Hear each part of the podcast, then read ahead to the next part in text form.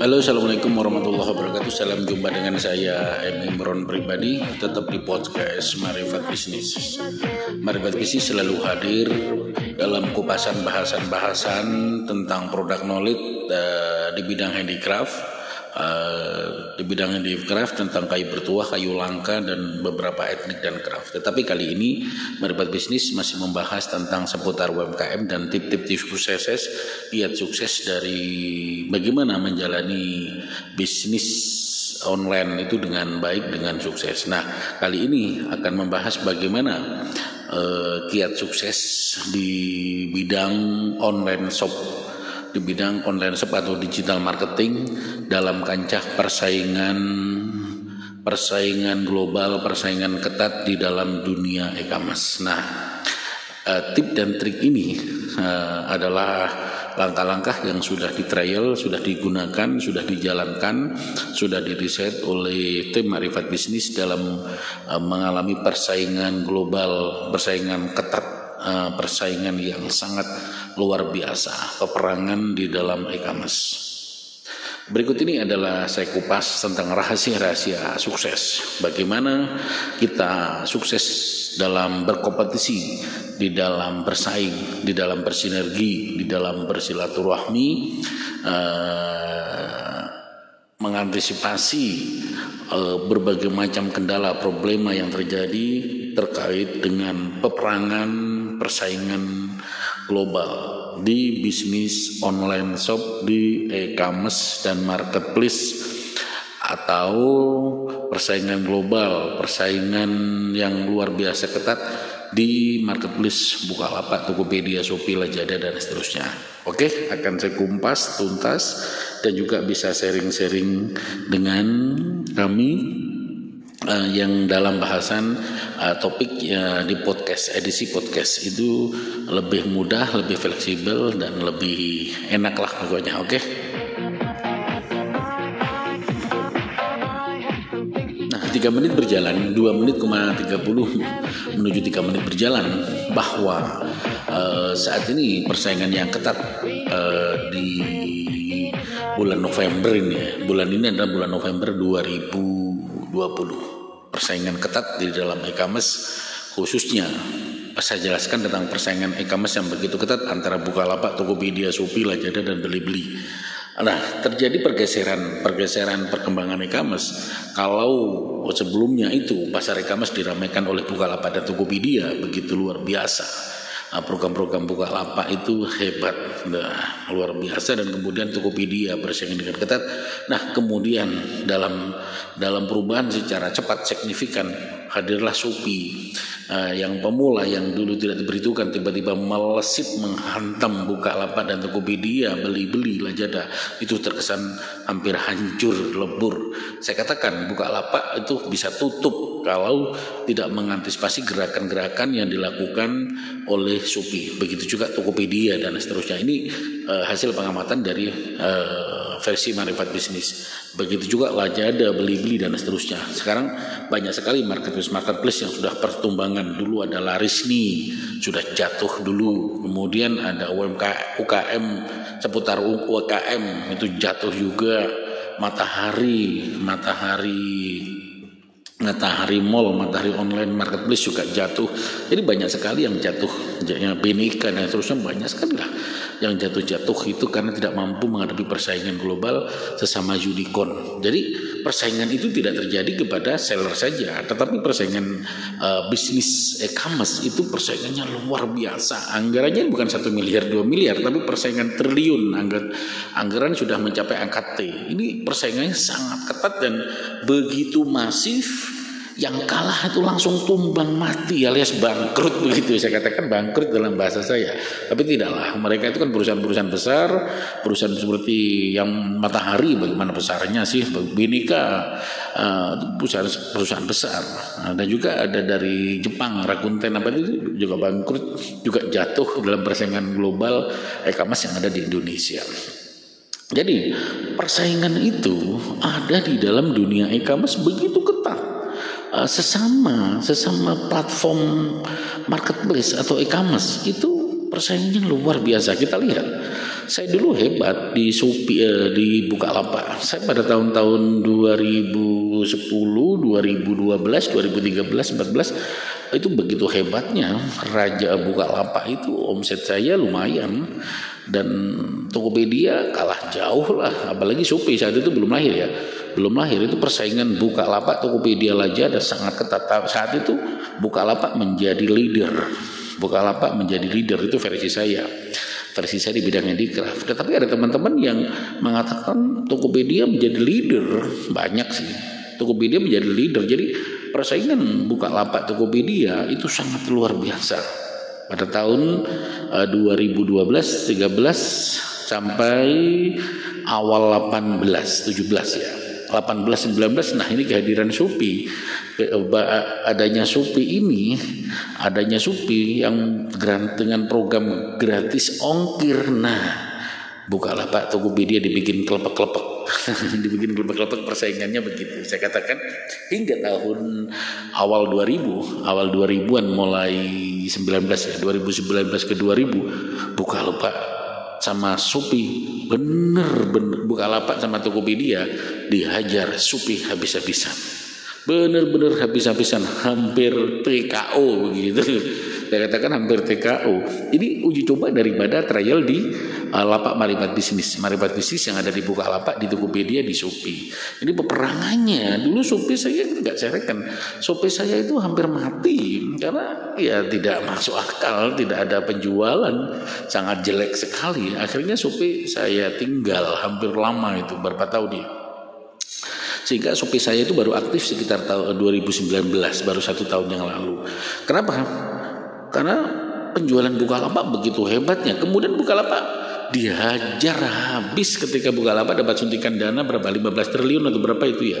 Itu Bukalapak kelepak-kelepak gak? Dihajar Tokopedia habis-habisan. Persaingannya dia Bukalapak atau Tokopedia begitu gencar sekali dihajar habis Nah, yang paling membahayakan sekitar 2019 muncullah Shopee yang melesit begitu. Dahsyat Bukalapak dibikin kelepak-kelepak lagi Nah, begitu juga Tokopedia, Tokopedia benar-benar lepak-lepak. Wah, persaingannya, uh, promo-promonya itu sudah nggak ngefek.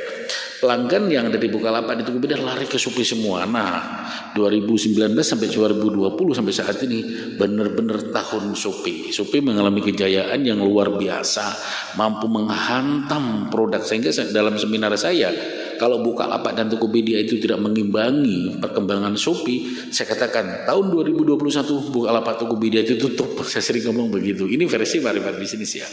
Analisis versi maribat bisnis dari perdagangan maribat bisnis. Tapi masih terlalu dini lah dikatakan buka lapak Tokopedia itu bangkrut begitu ya. Tetapi kalau tidak, memang Bukalapak dan Tokopedia kalau tidak mengambil yang pertama adalah program yang digagas Shopee eh, gratis ongkir benar-benar Bukalapak Tokopedia akan jatuh.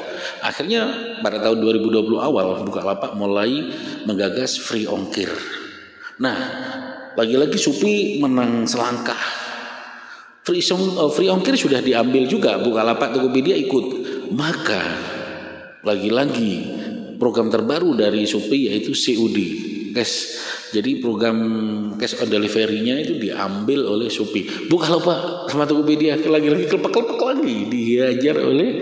Nah, kemudian ditambah lagi itu diambil lagi lagi-lagi Shopee luar biasa itu mengadakan resi otomatis. Nah, resi otomatis secara masif gitu.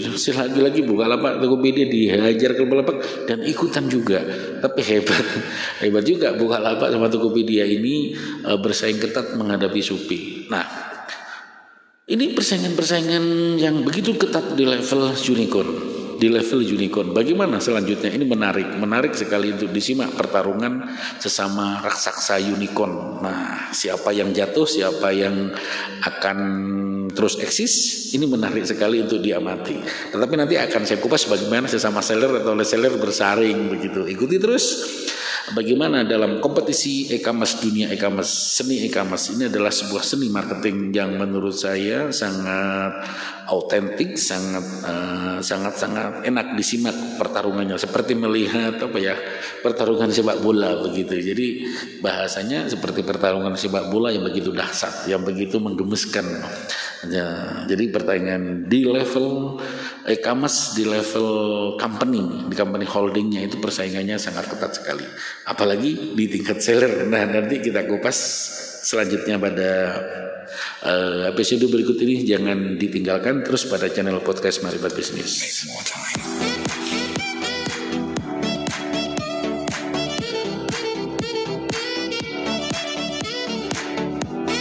Oke, nah ternyata persaingan yang begitu ketat di dalam dunia di dalam uh, di dalam dunia unicorn persaingan antar company begitu dasarnya itu akan terus berlangsung. Saat ini Bukalapak dan Tokopedia tidak kalah tidak mau kalah saing uh, lagi menggagas strategi-strategi baru uh, free ongkir, CUD dan resi otomatis juga diterapkan di dalamnya oh, begitu luar biasa. Nah, saya kupas sedikit tentang persaingan di antara tim ekspedisi. Nah, kurir. Kurirnya ini juga terjadi persaingan yang luar biasa. Pertama, antara Tiki, JNE, uh, si cepat dan pos ini bersaing begitu cepat uh, ditambah lagi munculnya munculnya ya. Kemudian kalau di Balung saya di Jember ini yang ada di Balung ini yang ada kan Tiki tidak ada. Uh, persaingan itu ada tiki, pertama kali Tiki. Itu tapi di Balung tidak ada tapi di Balung yang ada itu adalah JNE uh, JNE sama JNE kantor pos persaingannya di situ. Untuk wahana dan seterusnya di Jember nggak ada. Eh, di Balung nggak ada. Nah persaingan ketat antara kantor pos antara pos Indonesia dengan JNE dengan sama JNT ini juga luar biasa ketatnya kalau di Balung, di Balung di tempat saya itu persaingannya adalah JNT. Eh, JNT itu membuka agen sendiri, pos sudah kantor sendiri, tapi JNE pakai agen. Nah, di sini lagi-lagi persaingan ketat antara uh, kantor pos dan JNT sama JNE. Nah, lagi-lagi kantor pos ketinggalan jauh. Eh, kantor pos di dalam resi otomatis itu masih manual. Untuk cabang masih dilakukan di pusat. Tetapi untuk apa itu perwakilan di kecamatan itu tidak bisa. Nah ini sangat ditinggal lagi oleh kantor pos. Lagi-lagi kantor pos saya sikat, saya tidak menggunakan kantor pos karena problemnya tidak bisa resi otomatis. Banyak teman-teman juga tidak menggunakan kantor pos karena tidak bisa resi otomatis. Resi otomatisnya harus diproses di kabupaten. Nah, begitu juga di persaingan ini yang dimenangkan oleh JNT tahap awal. Tetapi karena percaturan begitu cepat, akhirnya si cepat namanya si cepat itu lahir juga di hadir juga di Balung e, meramaikan e, ramainya dunia ekspedisi dalam online shop. Peperangan juga terjadi di sini. E, peperangan persaingan antar program, fasilitasi dan seterusnya. Jadi ada peningkatan-peningkatan luar biasa. Nah, yang ketiga persaingan sesama seller akan saya jelaskan bagaimana cara mengatasinya. Ikuti terus podcast Marifat Bisnis.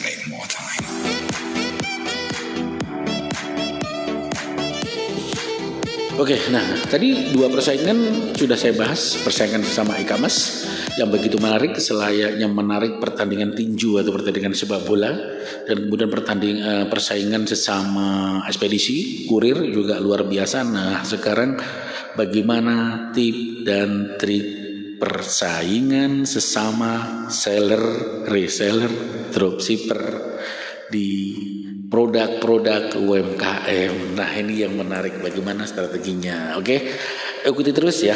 Mari buat bisnis dalam menghadapi persaingan global. Itu ada beberapa tip ya, ada beberapa tip yang harus dikupas. Yang pertama, eh, persaingan ketat. Nah di desa tutul ini ada pemain handicraft. Walaupun Maribat bisnis online shop pertama bukan berarti yang terhebat tidaklah tetapi walaupun yang pertama ketika tidak mampu mempertahankan sebuah eksistensi, sebuah sistem, uh, sebuah SOP dengan benar, tentu Maribas Bisnis akan dilibas oleh pemain-pemain baru, milenial yang sudah memiliki program-program handal apalagi milenial saya generasi tua saya generasi 72 nah, sekarang sudah muncul generasi-generasi tahun 90-an tahun 2000 wah mereka sudah uh, alumni-alumni sarjana-sarjana muda di bidang IT yang dahsyat kemampuannya. Sudah memiliki novel sudah memiliki PHP bahasa coding dan HTML-nya. Wah canggih luar biasa. Nah di sinilah persaingan bagaimana mengatasi persaingan sesama seller. Ini yang menarik di dalam uh, episode ini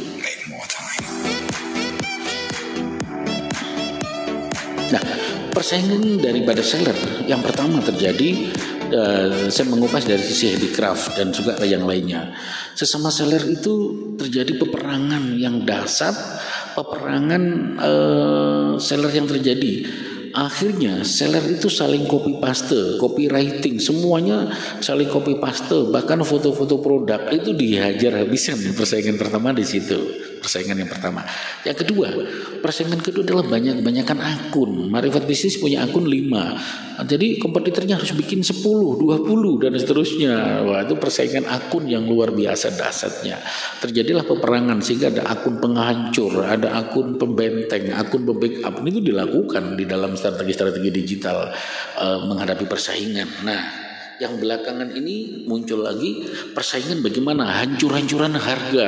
Harga itu hancur-hancuran. Dulu buka lapak ada fitur harga terendah, harga termurah. Nah, begitu juga uh, di Tokopedia, Shopee itu tuh belum ada ya.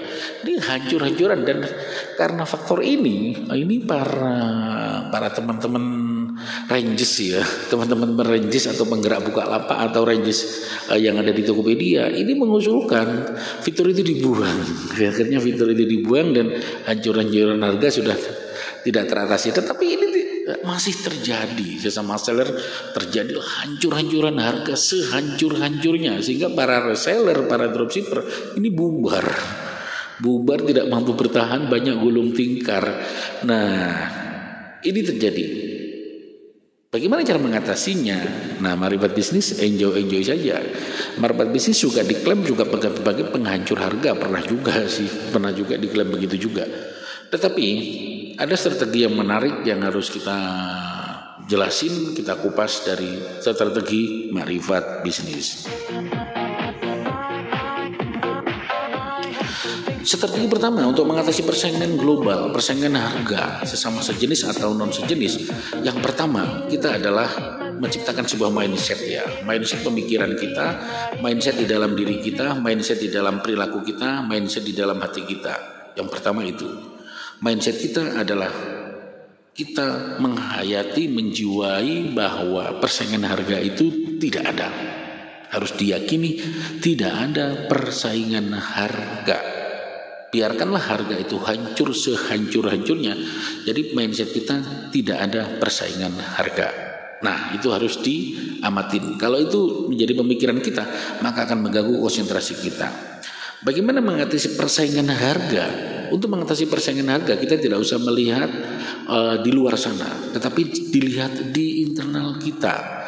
Kalau persaingan harga umpama saya katakan gelang tasbih murah, tasbih abal-abal, persaingan harganya hancur-hancuran sampai di bawah net profit, di bawah P, eh, di, di bawah BIP, break even point di bawah itu.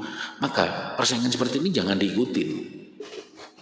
Bagaimana untuk mengatasinya? Kita jangan mengikuti permainan ini di level ini. Yang pertama kita tinggalkan keyword di di harga hancur-hancuran itu kita tinggalkan.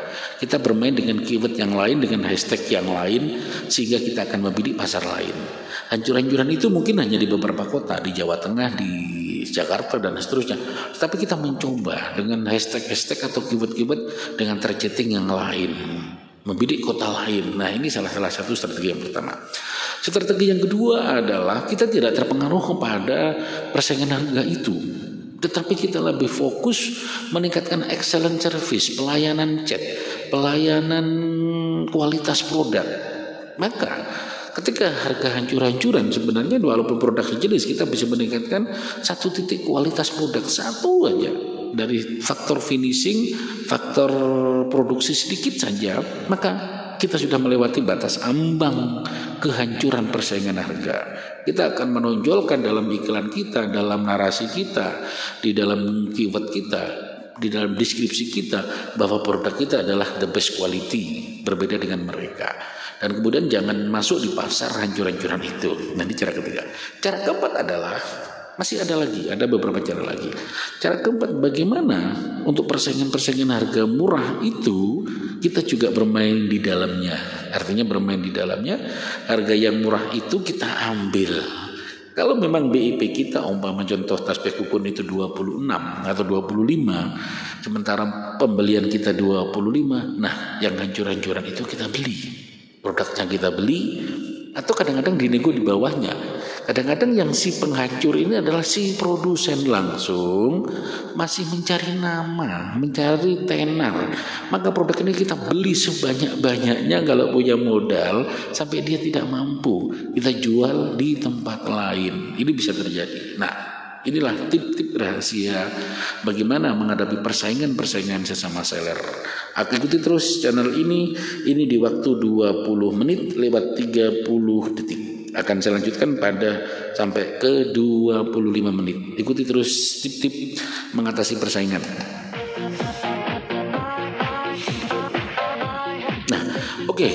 pada tahap akhir di dalam sebuah konspirasi persaingan yang perlu dilakukan adalah satu satu yang perlu dilakukan adalah persaingan marketplace terjadi di Bukalapak maka kita harus lintas e-commerce kalau persaingan itu terjadi di Bukalapak di Tokopedia maka kita lari ke Shopee kalau terjadi di Bukalapak Tokopedia Shopee maka kita lari ke Lazada, kita lari ke beli-beli, kita lari ke e-commerce lain. Atau lari di banyak e-commerce e-commerce kecil-kecil yang banyak itu banyak sekali lah. Ada di beli-beli, ada di bahkan di internasional di Amazon atau di Alibaba. Atau di e-commerce e-commerce yang kecil-kecil itu banyak. Kalau kita di Google di Android itu banyak sekali kita ikutin di sana. Yang tentu segmentasi produknya jelas. Kita bisa mengalihkan ke sana. Atau bermain di medsos. Kita perbanyak link-link medsos dan semuanya kita perkuat. Itu yang pertama. Yang terakhir adalah untuk mengatasi itu maka kita perkuat tim operator admin kita. Nah Di sinilah daripada harga untuk anjuran-anjuran lebih baik kita pemberdayaan tim operator. Kalau admin kita satu, bagaimana admin kita menjadi tiga atau empat atau lima sehingga admin kita terjadi tiga shift. Ada shift siang, shift sore, shift malam sehingga 24 jam lapak kita online. Nah ini salah satu strategi-strategi mengatasi persaingan-persaingan ketat. Oke, terima kasih. Jika ada kelebihan semata-mata dari Allah, jika ada kekurangan tentu dari saya. Imron pribadi yang harus banyak belajar dan banyak belajar lagi. Ikuti terus tip yang sukses dari tim Marifat Bisnis. Terima kasih. Assalamualaikum warahmatullahi wabarakatuh.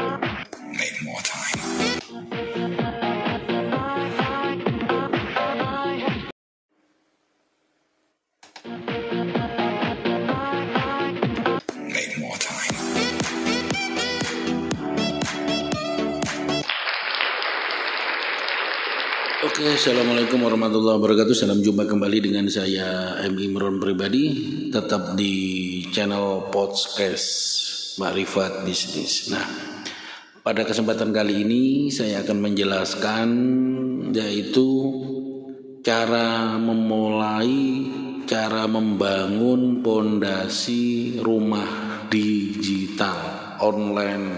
Nah, jadi bagaimana cara cara membangun pondasi rumah digital online berbasis organik. Ini seperti yang saya lakukan di Makrifat Bisnis. Jadi teman-teman bisa mengadopsi, bisa meng-ATM. Bagaimana sih membangun rumah pondasi secara digital dan organik. Artinya ini akan berlaku berkesinambungan sepanjang era digital itu masih ada. Jadi harus dibangun beberapa piranti-piranti, beberapa eh, peralatan, beberapa aplikasi-aplikasi yang harus disiapkan secara mendasar dan mendetail, secara bertahap yang tidak bisa langsung ujuk-ujuk jadi. Nah, ikuti terus tip-tip daripada kiat sukses di dalam konspirasi digital marketing marifat bisnis. Oke, okay, untuk membangun rumah digital di dalam platform marifat uh, dalam platform uh, dalam platform digital yang dilakukan marifat bisnis pertama adalah mempersiapkan piranti-pirantinya seperti ini. Banyak hal ya perlu dicatat juga ya yang pertama kita pasti namanya digital kita punya email yang pertama. Kalau bicara email yang terbaik saat ini ya Gmail, kita harus punya Gmail. Kemudian kita memiliki peralatan. Yang pertama adalah HP Android. HP Android minimal RAM 4 GB merek bebas lah. Kemudian kita harus memiliki PC atau memiliki laptop. ya anjuran saya Core i3 tapi kalau nggak bisa ya nggak apa-apa di bawahnya memiliki jaringan wifi. Itu wajib. Memiliki wifi. Bagaimana mau online tanpa wifi? Uh, wifi standar adalah 20 mega. Tapi kalau 10 mega tidak apa-apa. Tapi jangan sampai wifi apa ya itu loh wifi yang wifi nyambung-nyambung nyalur-nyalur itu loh wifi di kampung-kampung atau di perumahan yang nyalur. Itu jangan saya tidak menganjurkan itu. Karena di situ kita tidak memiliki IP tidak memiliki IP jadi harus memiliki wifi selanjutnya yang dibutuhkan lagi kita memiliki studio mini galeri studio mini lah studio foto mini terus punya ah, banyak lah harga 50 ribu 25 100 banyak atau mendesain sendiri Nah, di dalam studio mini itu kita harus memiliki yang pertama alat untuk memotret. Berarti butuh dengan HP tadi. Kemudian alat untuk recorder, untuk live streaming atau podcast seperti ini kita harus punya. Jadi harus punya tripod, harus punya mic condenser, harus punya minimal sejelek-jeleknya itu untuk menambah suaranya agar enak, agar bagus pakai uh, soundcard audio namanya audio mixer ya pakai pakai audio mixer lah. Pakai audio mixer minimal itu V8 atau V10 yang harganya murah juga itu. Kemudian kita harus memiliki lampu pencahayaan yang kuat. Jadi selayaknya studio backdrop yang bagus yang sesuai dengan apa yang kita inginkan. Nah itu dari berarti-berartinya peralatan-peralatannya. Kita bisa reseller, bisa dropshipper menurut saya gampang. Nanti akan saya jelaskan bagaimana menjadi reseller dan dropshipper dari banyak produk yang ada agar kita sebagai reseller dan dropshipper itu bisa sih diakui memiliki eksistensi yang jelas. Jangan sampai kita menjadi maklar kodok begitu ya.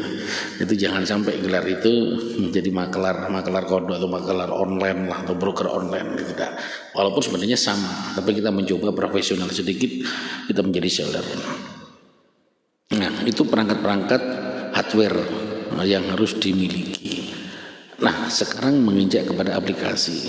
Yang namanya kita online pakai email, kita pakailah Google Chrome yang terbaik versi update terbaru.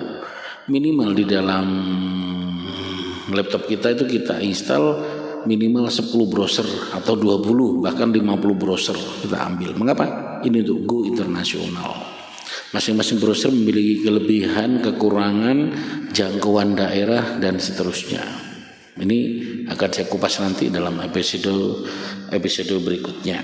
Nah selanjutnya kita harus memiliki platform rumah digital yang gratis yaitu blogspot. Memang kita dapat nggak dapat untung dari blogspot itu secara finansial langsung dari transaksi, tetapi sebagai pondasi rumah digital, blogspot itu umpama pondasi di bawah tanah, di bawah cornya itu harus kuat. Karena kita memang tidak tidak melihat kekuatan pondasi itu, tapi pondasi itu sangat mempengaruhi, yaitu minimal blogspot harus punya. Mengapa harus blogspot? Nanti saya kupas pada episode-episode berikutnya. Kemudian setelah blogspot kita memiliki website, memiliki website .com atau .co.id. Nah, di 5.0 saya anjurkan kita juga memiliki e-commerce memiliki tiga jadi blogspot, blogspot, website dan e-commerce. Ini kepentingannya adalah untuk reseller kita masuk di e-commerce kita. Targeting ke sana nanti saya jelaskan bagaimana untuk membuat e-commerce reseller e-commerce itu masuk. Kemudian kita harus membuat berbagai macam medsos. Medsos yang utama adalah pertama Facebook, yang kedua WA, Telegram, Line, juga boleh uh, ancur aplikasi untuk Spotify, channel YouTube, kemudian IG itu juga yang utama-utama kita miliki. Bagaimana mengatasinya pemanfaatan IG yang efektif dan seterusnya akan saya kupas tuntas masing-masing persatu-persatu. Terus ikuti tip daripada Marifat Bisnis ini.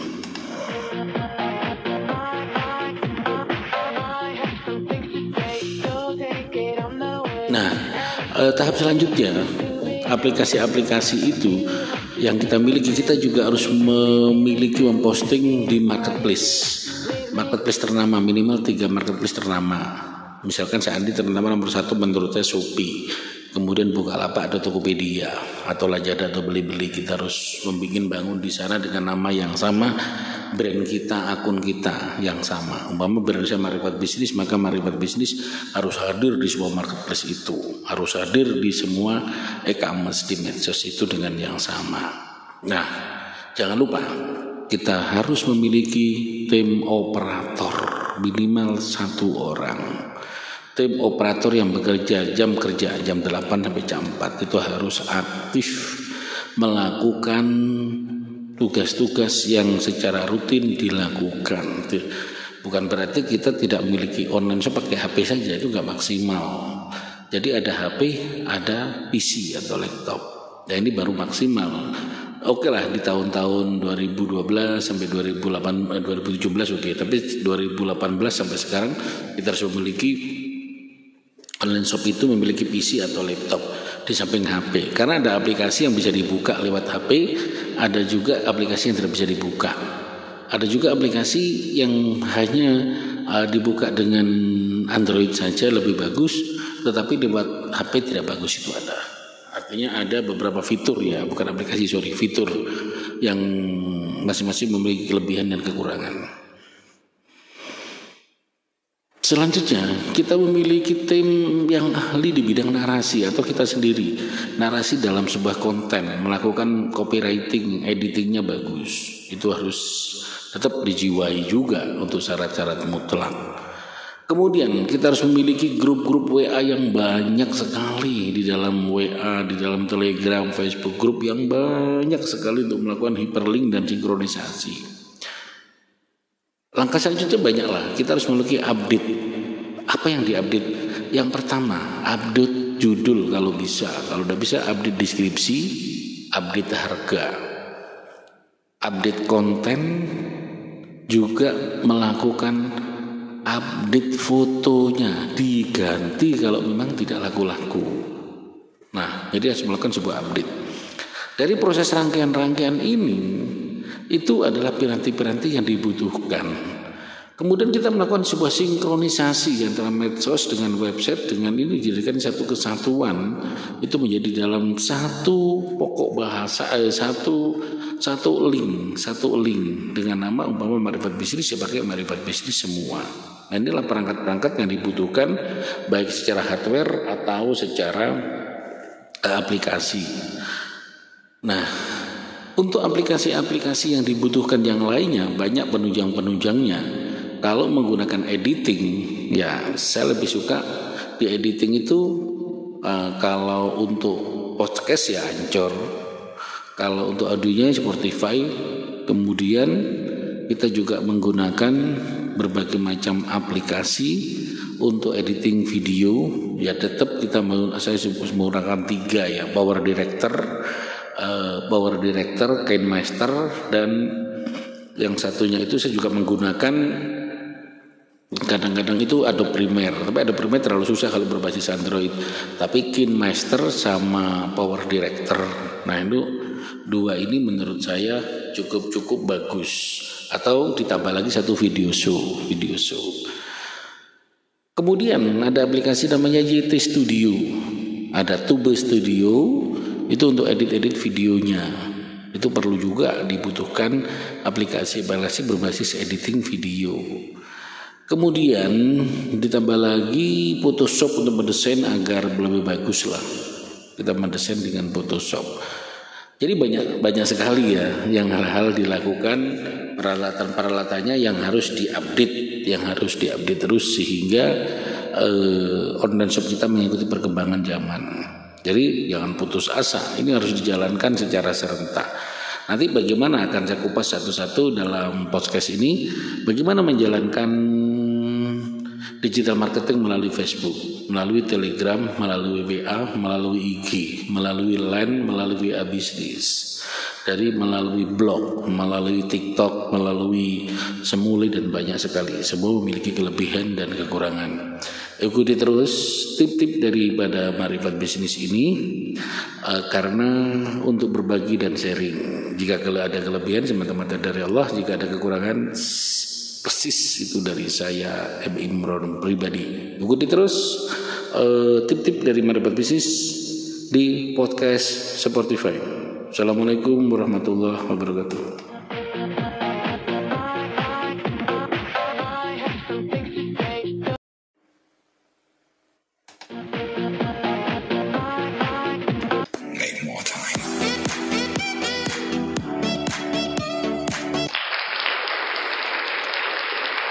Assalamualaikum warahmatullahi wabarakatuh. Salam jumpa kembali dengan saya M. Imron pribadi, tetap di channel podcast Marifat Bisnis. Nah, pada kesempatan kali ini saya akan menjelaskan yaitu cara memulai, cara membangun pondasi rumah digital online.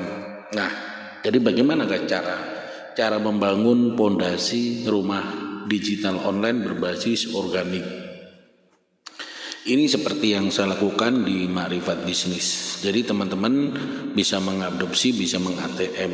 Bagaimana sih membangun rumah pondasi secara digital dan organik. Artinya ini akan berlaku berkesinambungan sepanjang era digital itu masih ada. Jadi harus dibangun beberapa piranti-piranti, beberapa e, peralatan, beberapa aplikasi-aplikasi yang harus disiapkan secara mendasar dan mendetail, secara bertahap yang tidak bisa langsung ujuk-ujuk jadi.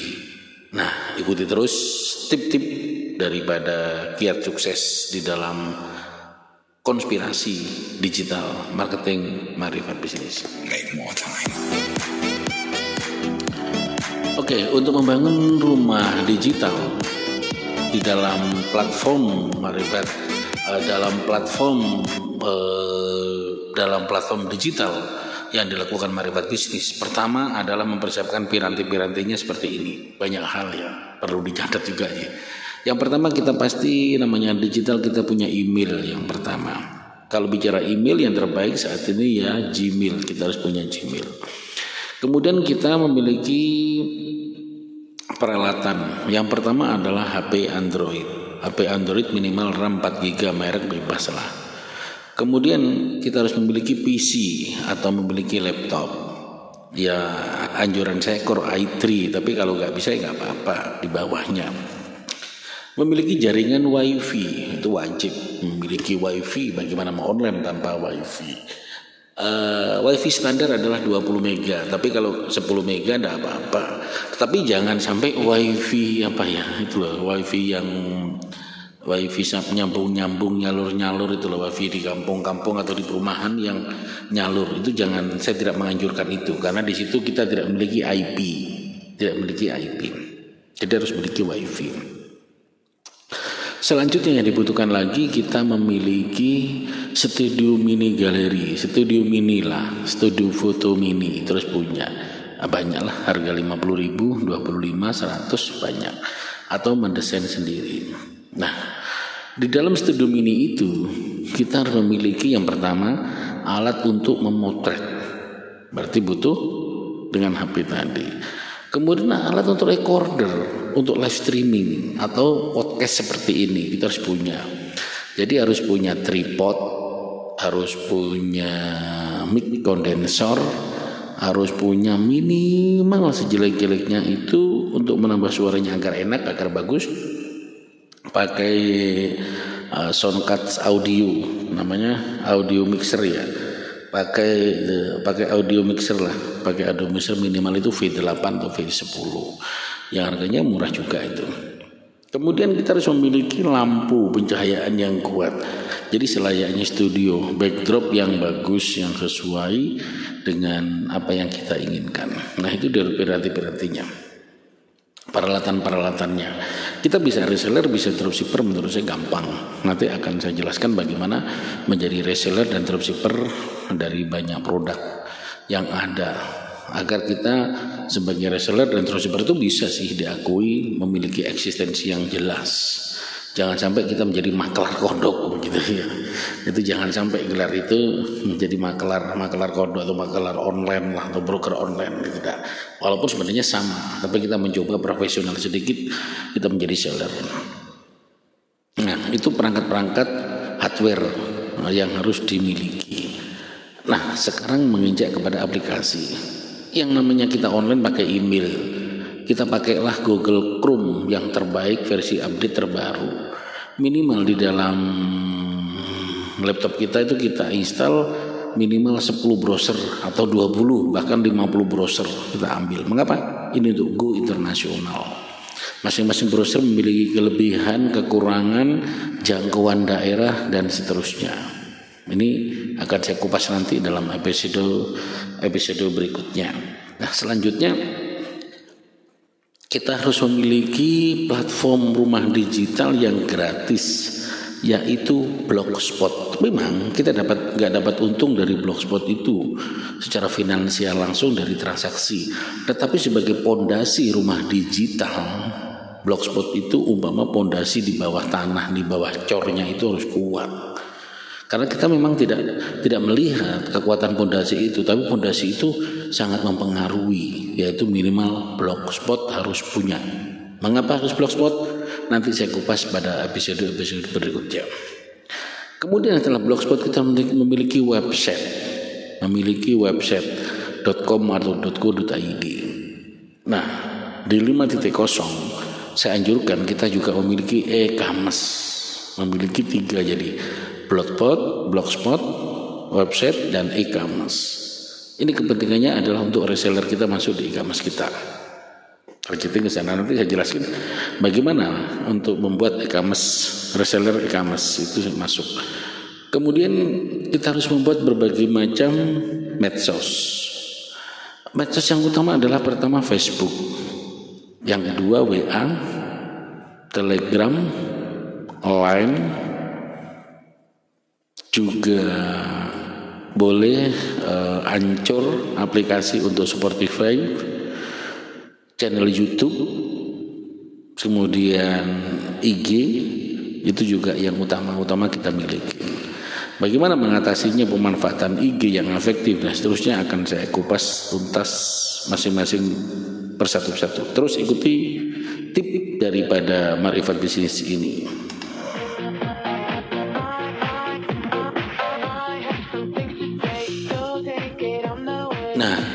Eh, tahap selanjutnya aplikasi-aplikasi itu yang kita miliki kita juga harus memiliki memposting di marketplace. Marketplace ternama minimal tiga marketplace ternama. Misalkan saya Andi ternama nomor satu menurut saya Shopee. Kemudian buka lapak atau Tokopedia atau Lazada atau beli-beli. Kita harus membuat bangun di sana dengan nama yang sama brand kita akun kita yang sama. Umpama brand saya Marifat Bisnis maka Marifat Bisnis harus hadir di semua marketplace itu. Harus hadir di semua e-commerce di medsos itu dengan yang sama. Nah jangan lupa kita harus memiliki tim operator minimal satu orang. Tim operator yang bekerja jam kerja jam 8 sampai jam 4 itu harus aktif melakukan tugas-tugas yang secara rutin dilakukan.